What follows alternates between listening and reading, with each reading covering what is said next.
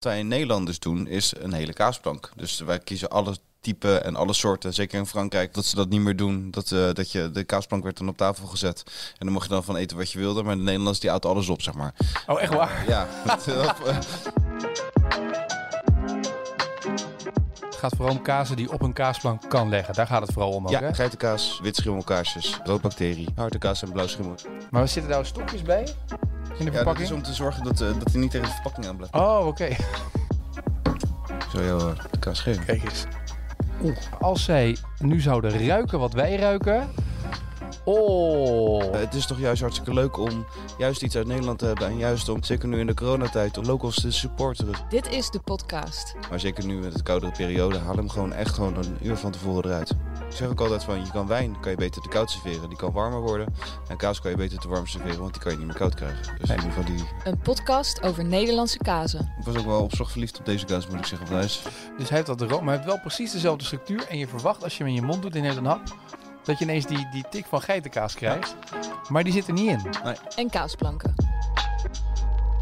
We zijn alweer toe aan de derde aflevering van de podcast. De podcast die gaat over kaas, Nederlandse kazen, kaas in het buitenland op een kaasplank. Eh, wordt gemaakt door Maarten Koek, fromager van beroep, Goedemiddag. en eh Etienne Verhoef. Ehm, wij eh, nemen je graag mee in de wereld van het kaas, kijken wat er allemaal is en ontdekken vooral de dingen die wij zelf ook ontdekken in restaurants, et cetera, et cetera. We hebben het in aflevering 1 gehad over de opbouw van de kaasplank. Aflevering 2 ging over de randdingen rondom een kaasplank, de drupjes, de broodjes en dat soort dingen. Heb je die nou gemist? Abonneer je even op deze podcast. Dat kan via de Apple Podcast Store of via Spotify. Kan je hem terugluisteren. Eh, maar dan kan je ook luisteren naar de nieuwe afleveringen die nog gaan komen. Eh, voordat we ehm, de Nederlandse kazen gaan opdelen in eh, witte kazen, de blauwe schimmels, de roodbacteries, et cetera, de harde kazen. Ehm, misschien goed om eventjes nog door te nemen, wat drink je nou bij de kaasplank? Want uit aflevering 1 van een paar weken bij mij is blijven hangen, geen rode wijn. Nee. En nou Klopt. heb ik echt mijn hele leven zo genoten van rode wijn bij de kaasplank. Ja, klopt. Eh, rode wijn en eh, rode port eh, wordt vaak bij kaas geassocieerd. Komt terug eigenlijk uit de tijd van de, dat de Engelsen uit Portugal de rode, rode port meenamen. En de Nederlandse toeristen naar Frankrijk gingen om daar op vakantie te gaan. En ze daar ook rode wijn kregen. Bij... Maar die Fransen nemen toch altijd rode wijn bij de kaas? Ja, klopt. Ehm, Alleen... zo'n dame met zo'n kaaswagentje aan en zegt ze bonjour, qu'est-ce que vous voulez? En dan krijgt er nog een rode wijn erbij. Ja, maar zij eh, drinken vaak de rode wijn door van het hoofdgerecht. Ja. Ehm, en dan willen ze een harde kaas erbij. Dus dan kiezen ze vaak voor Comté eh, of een mooie andere Franse harde kaas. Of eventueel nou een klein stukje blauw. Maar wat wij in Nederland dus doen, is een hele kaasplank. Dus wij kiezen alle typen en alle soorten. Zeker in Frankrijk. eh, Daarom dat ze dat op een gegeven moment hebben afge... eh, dat ze dat niet meer doen. Dat, eh, dat je, de kaasplank werd dan op tafel gezet. En dan mocht je dan van eten wat je wilde. Maar de Nederlanders die houdt alles op, zeg maar. Oh, echt waar? Ja, dat, dat, dat verhaal heb ik meerdere keren gehoord. Ook van verschillende, verschillende restaurants en ook verschillende Nederlanders. Dus ehm, dat is op een gegeven moment is dat maar... Hebben, hebben de Fransen dus iets gedacht van... Nou ja, die, die gekke Nederlanders die eten alles op. Dus dat doen we maar niet. Maar heb je een mooie witte wijn over natuurlijk van het hoofdgerecht... eh, dan kan je wel weer meerdere type kazen Maar jij eh, zegt, dat is dus echt wel voor de meeste mensen die dus nu luisteren. Jij zegt een witte wijn bij een kaasplank. Ja, juist vanwege de fris, frisse zuren die een eh, witte wijn vaak heeft. Je hebt vaak ook wel wijnen natuurlijk die wat, wat voller en wat, wat vettiger zijn. Dat zijn de Chardonnay-achtige. Ja, maar je hebt ook eh, Chardonnay heb je ook weer verschillende types in. Ja. Je hebt een Chardonnay die geen houtlaging heeft gehad of wel houtlaging. Maar als jij een Chardonnay hebt die geen houtlaging heeft gehad, dus niet op eikenvaten is gerijpt. Die is ehm, vaak nog heel fris, heeft mooie zuurgraad, heeft wel een beetje rondeur, dus een beetje wat vettige structuur. Daardoor eigenlijk bij een kaasplank perfect gaat. Want een kaasplank is vaak ook, heeft vaak frisheid, heeft vaak zuren, heeft vaak een beetje wat vettige structuur. En soms ook wel wat intensiteit. Maar zelfs bij een blauwe schimmel kan je ook gewoon een mooie witte wijn drinken. Oké, en welke witte wijn zou jij dan aanraden? Nou, als je een hele kaasplank hebt, ehm, eh, zou ik kiezen voor een eh, mooi glas Viognier. Eh Viognier is een druivenras eh, die ook een beetje dat rondeur heeft. Dus een beetje dat vettige structuur. Het heeft eh, tonen van steenfruit, dus abrikoosjes, perziken, dat soort dingen. Maar ook nog wel voldoende frisheid en een zuurgraad. Mhm. Dus daardoor, zeker als je hem in een wat breder glas serveert, komt hij nog beter tot zijn recht. Ehm, Ja, dit heb jij een keer gedaan. Ik weet nog dat je een keer ehm, zat, dat je de kaasplank serveerde. En dat je zei, de eerste drie kazen moet je de wijn drinken. Deze witte wijn uit het smalle glas. Ja. En in de laatste twee moet je hem nemen uit het brede glas. was hetzelfde wijn. Ja. Maar dat was, we hebben het eerder gehad in een eerdere aflevering over een mindfuck. Ja, Maar dat was het ook wel. Want ik dacht, Ja. dat is een andere wijn. Dat kan niet. nee. Ja, ik heb het toen gedaan voor de Comeo. Ehm, daar moest ik toen eh, één kaasplank doen met, eh, met één wijn. Eh, of eh, ja, vijf kazen met één wijn. En dan kan je natuurlijk heel makkelijk kiezen van ik ga alleen maar geitenkazen doen en ik doe daar een witte wijn bij. Maar dat vind ik, ja, dat, is, dat vind ik dan niet leuk. Is te makkelijk. dat is te makkelijk, is too easy. Out of the box denken. Dus ik ben, eh, ik ben toevallig in die, in die zomer was ik in Oostenrijk geweest waar ik een eh, wijn heb geproefd. Ehm Rotkiefler heet dat. En dat is echt een druivenras, echt specifiek uit die, eh, uit die streek van eh, rond, eh, rond Wenen. Ehm, en ik vond dat die heel erg gelagerd was. Dus heel veel verschillende smaken eigenlijk in, eh, in wijn had zitten. En ik had het jaar daarvoor al een keertje zoiets getest, eh, zoiets geprobeerd. Toen vond ik het al heel interessant. En toen ben ik het dus met deze gaan proberen. En ik denk, ik ga het gewoon doen. Ja, Eh, waarom niet? Waarom niet? Ja. Ja, voor een wet, ja, als het voor een wedstrijd is en je moet strijden tegen eh, de beste of tegen de beste formagiers uit, eh, uit Nederland, zeg maar, of in ieder geval die daarvoor geselecteerd waren. Dus eh Librei, eh, zijn wel restaurants zeg maar waar je tegenop kijkt. Mhm. Ja, dan wil je daar iets bijzonders te- tegenover zetten. Dus ja, dat heb ik toen op die manier gedaan. Ehm, ja, dat, of dat, dat was heel goed bevallen bij, de- bij de jury. Dus het is. Nou, maar het was heel gek inderdaad om die witte... Want normaal inderdaad, ik weet nog dat dat de eerste keer was dat ik dacht witte wijn bij een kaasplank. Eh, Ik vind witte wijn heerlijk. Ik vind het lekkerder dan soms dan rood. Dus ik dacht zo, maar dat kan dus wel. Ja. Maar het is niet de associatie. Gek is dat hoe dus in je brein, doordat je eh, in Frankrijk komt en dat mensen daar dan rode wijn bij drinken, dat dat dus de associatie is. Ja. En dat het dus lekker is. Ja, en de Engelsen met de rode port, eh, eigenlijk hetzelfde verhaal. Eh, want in Engeland maken ze eigenlijk, tegenwoordig is dat wel anders, maar daar praat ik over 1800 zoveel, eh, begin 1900. Eh, daar maakten ze alleen Stilton en maakten ze cheddars. Ja, Dus het is harde kaas en blauwschimmels. Ja, dat je daar een port bij drinkt, ja, snap ik. hartstikke Ja. lekker. Hoe ouder, hoe beter. Eh, ik heb al wel heel veel mooie ports in mijn leven mogen proeven. Eh, maar ga je dat bij een elegante Franse geitenkaas of bij een Nederlandse geitenkaas doen? Ja, zonde. Weg. Dus dan kan je, als je dan echt iets versterks wil, kies dan voor een mooie sherry bijvoorbeeld. Een mooie Oloroso sherry. Of, ehm, of voor een uh, de Jura. Of PX. PX zou ik niet doen. Nee? Nee, PX is... eh, Dat krijg ik ook heel vaak geserveerd. ja, klopt. Soms wel eens geserveerd als trouwens een XP. Toen dacht ik, is het Windows? Maar Echt waar. ja, soms zeggen mensen wel, ja, het is een heerlijke XP. Nee, ja, Pe- Pedro Jiménez is, is ook hartstikke mooi. Ik, heb, ik ben wel eens in, ik ben in Geres, eh Geres de la Frontera, dus in het Cherrygebied ben ik geweest. En daar heb ik toen een eh, 35 jaar oude eh, eh, Pedro Jiménez eh, geproefd. Ik nam daarna een dubbele espresso en die proefde ik niet. Oh, En toen rookte ik ook nog eh, die... ehm, eh, die hele smaak werd weggehaald door die sherry, door die, ster. die, die, die- ik proefde beide gewoon niet. Maar waarom wordt het dan zo vaak erbij geserveerd? Ja, omdat dat ergens in een boek ooit heeft gestaan dat dat lekker is. Maar eh Pedro Jiménez is een soort van appelstroop, maar dan vloeibaar.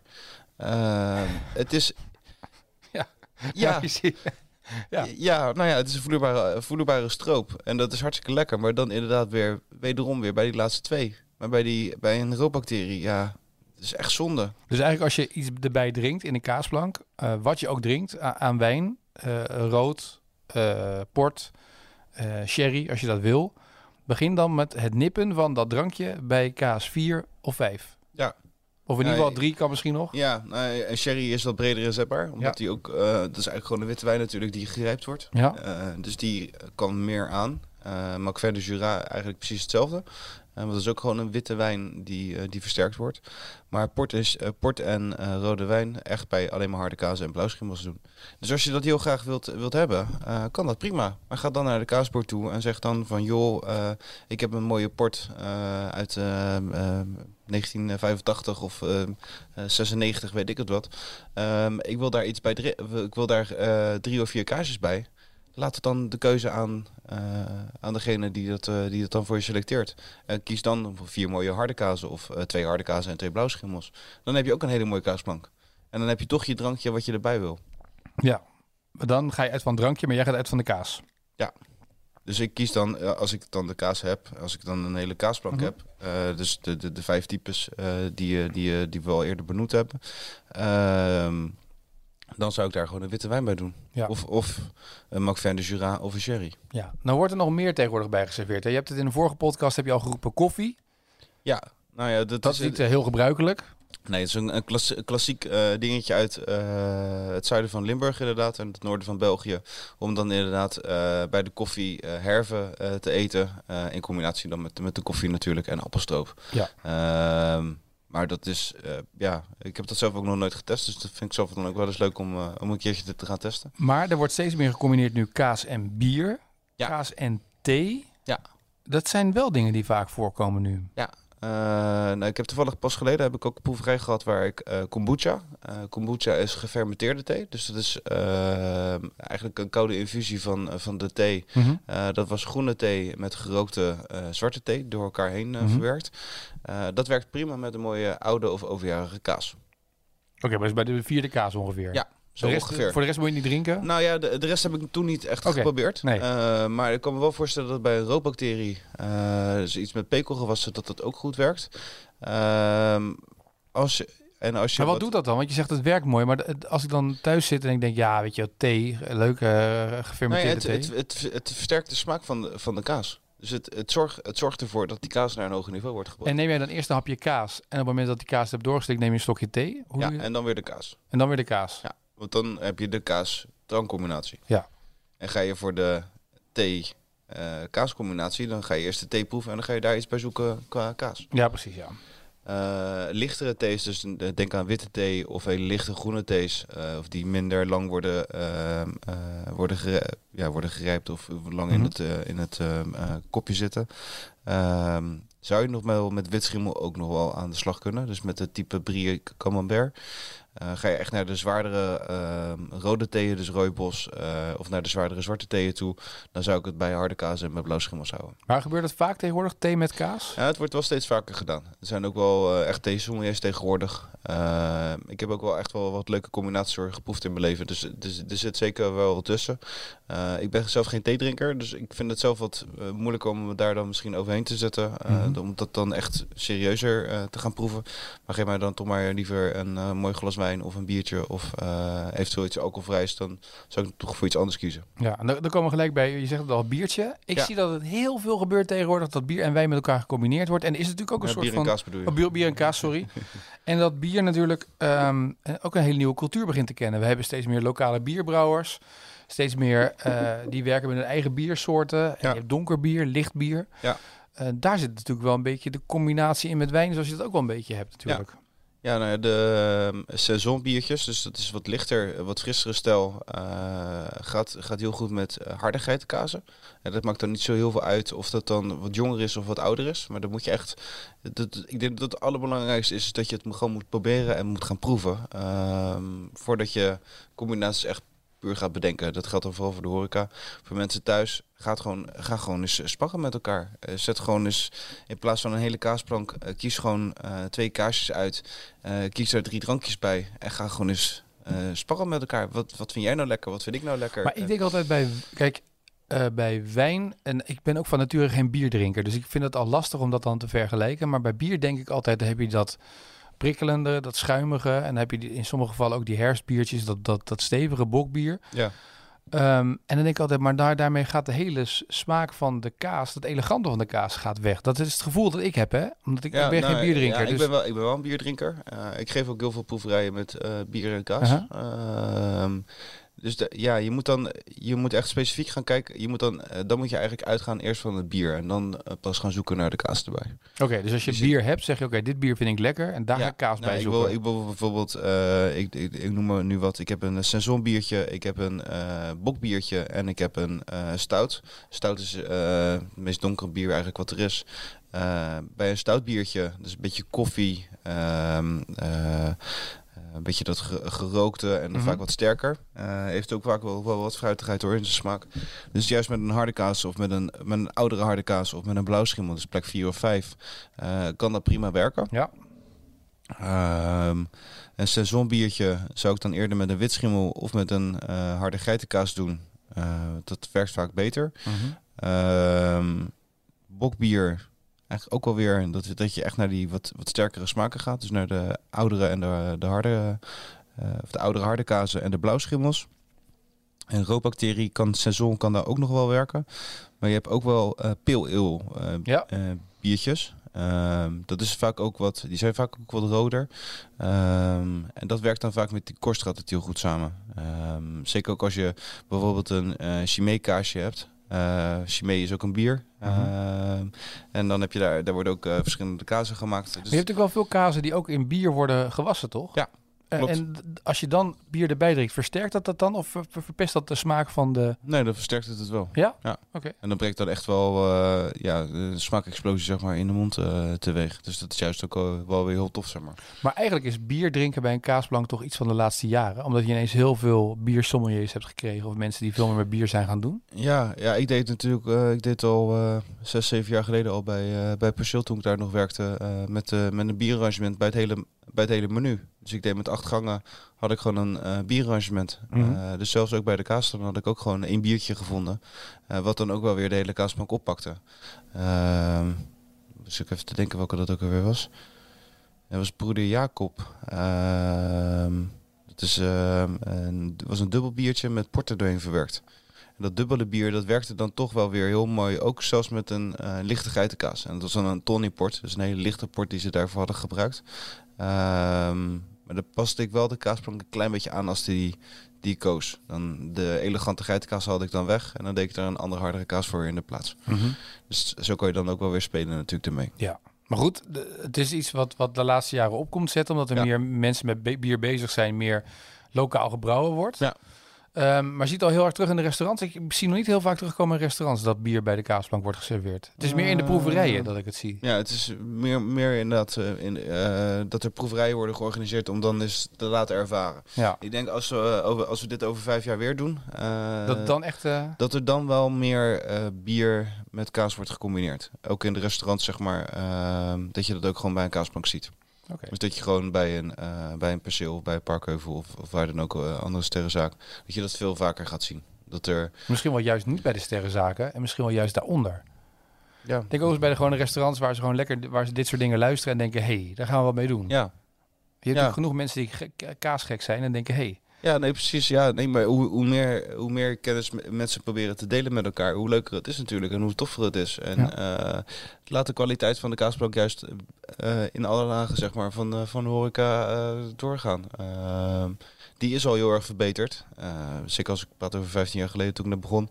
eh, zie je echt wel een eh onwijze ontwikkeling erin, zeg maar. En er wordt ook, eh, het vak sommelier wordt al heel, heel lang serieus genomen. Dat is al een jaar of eh, nou, 30, 40 Mhm. denk ik wel. Maar eh fromager eigenlijk niet.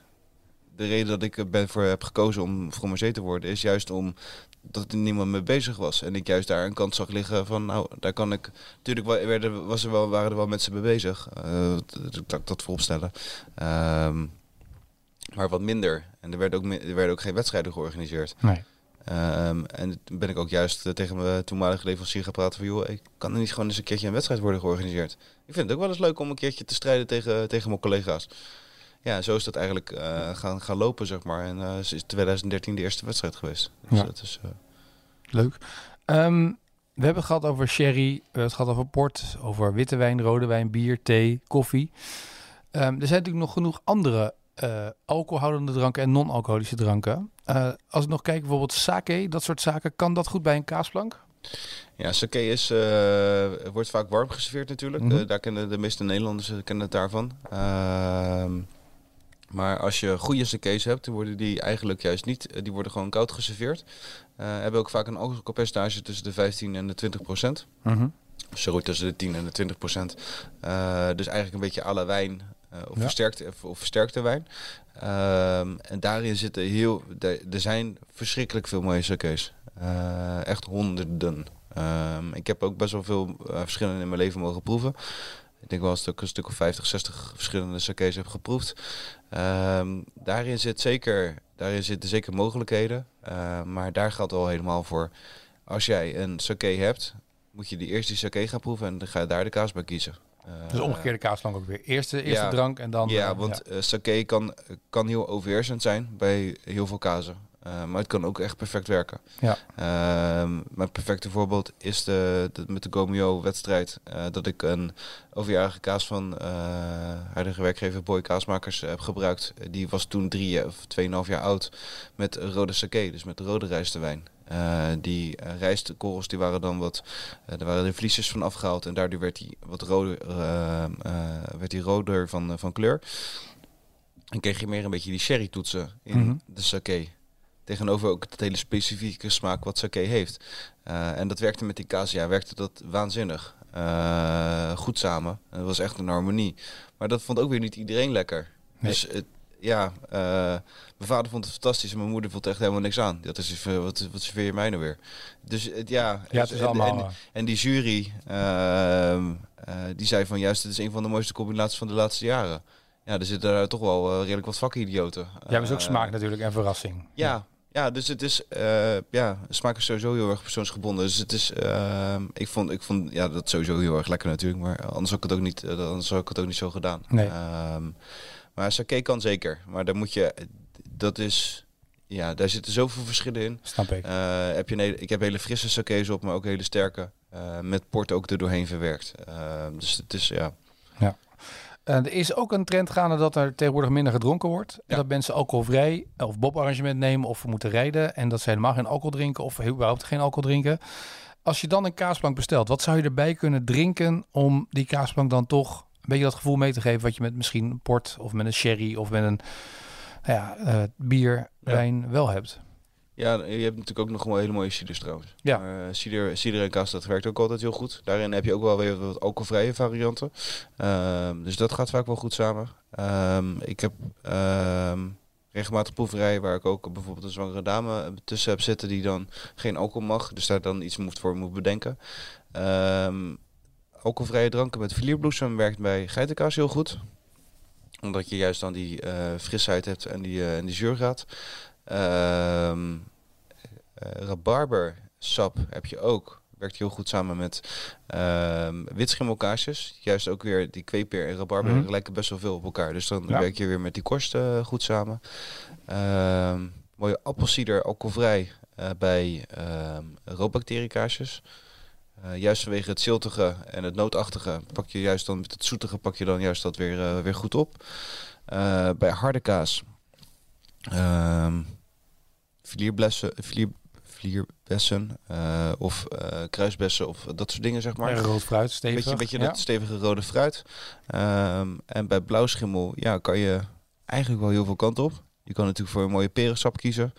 Uh, peer en uh, blauwschimmelkaas is sowieso natuurlijk een klassiek gerecht, maar daar kan je ook wel weer uh, wat leuks mee bedenken. Uh, abrikoos kan, kan heel leuk zijn, perzik, maar dat kan ook bij roodbacteriën kan dat goed werken. Ehm, je moet eigenlijk een fruitsoort kiezen wat ook wel weer verschillende gelagenheden in zijn smaak heeft, dus een diversiteit aan smaken. Maar nu ga ik met, met de kerst een kaasplank maken en dan heb ik iemand die gewoon überhaupt geen alcohol drinkt. Is er dan één drankje zoals de Viognier bij wit, wat je zegt, hè, die kan je heel mooi bij een hele kaasplank drinken. Is er een, um, een fruit of een, een alcoholvrije sap die ik kan drinken bij die hele kaasplank? Want ik hoor nu alweer dit, die, bij die, bij die moet ik eens even fles in huis halen. Ja, nee, dat is wel Ik iets. probeer eventjes voor iedereen thuis ja, te ja, denken. nee, zeker. Uh, een appel of een druivencider werkt eigenlijk altijd wel.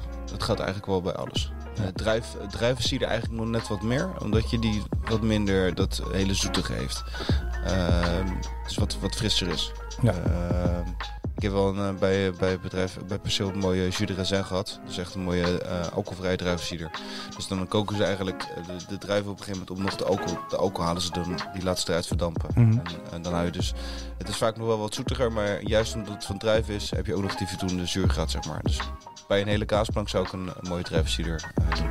Volgens mij hebben we in de eerste drie afleveringen nu alle randvoorwaarden rondom de kaasplank hebben we doorgenomen. Hè? Ja. Hoe moet je hem opbouwen? Ja. Wat kan je erbij serveren? Qua eten, qua drinken, et cetera, et cetera.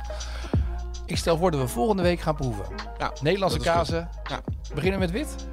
Ja, zeker. Nou, Gaan we doen. laten we dat zeker doen. Tot volgende week dan weer voor een nieuwe podcast. Tot volgende week.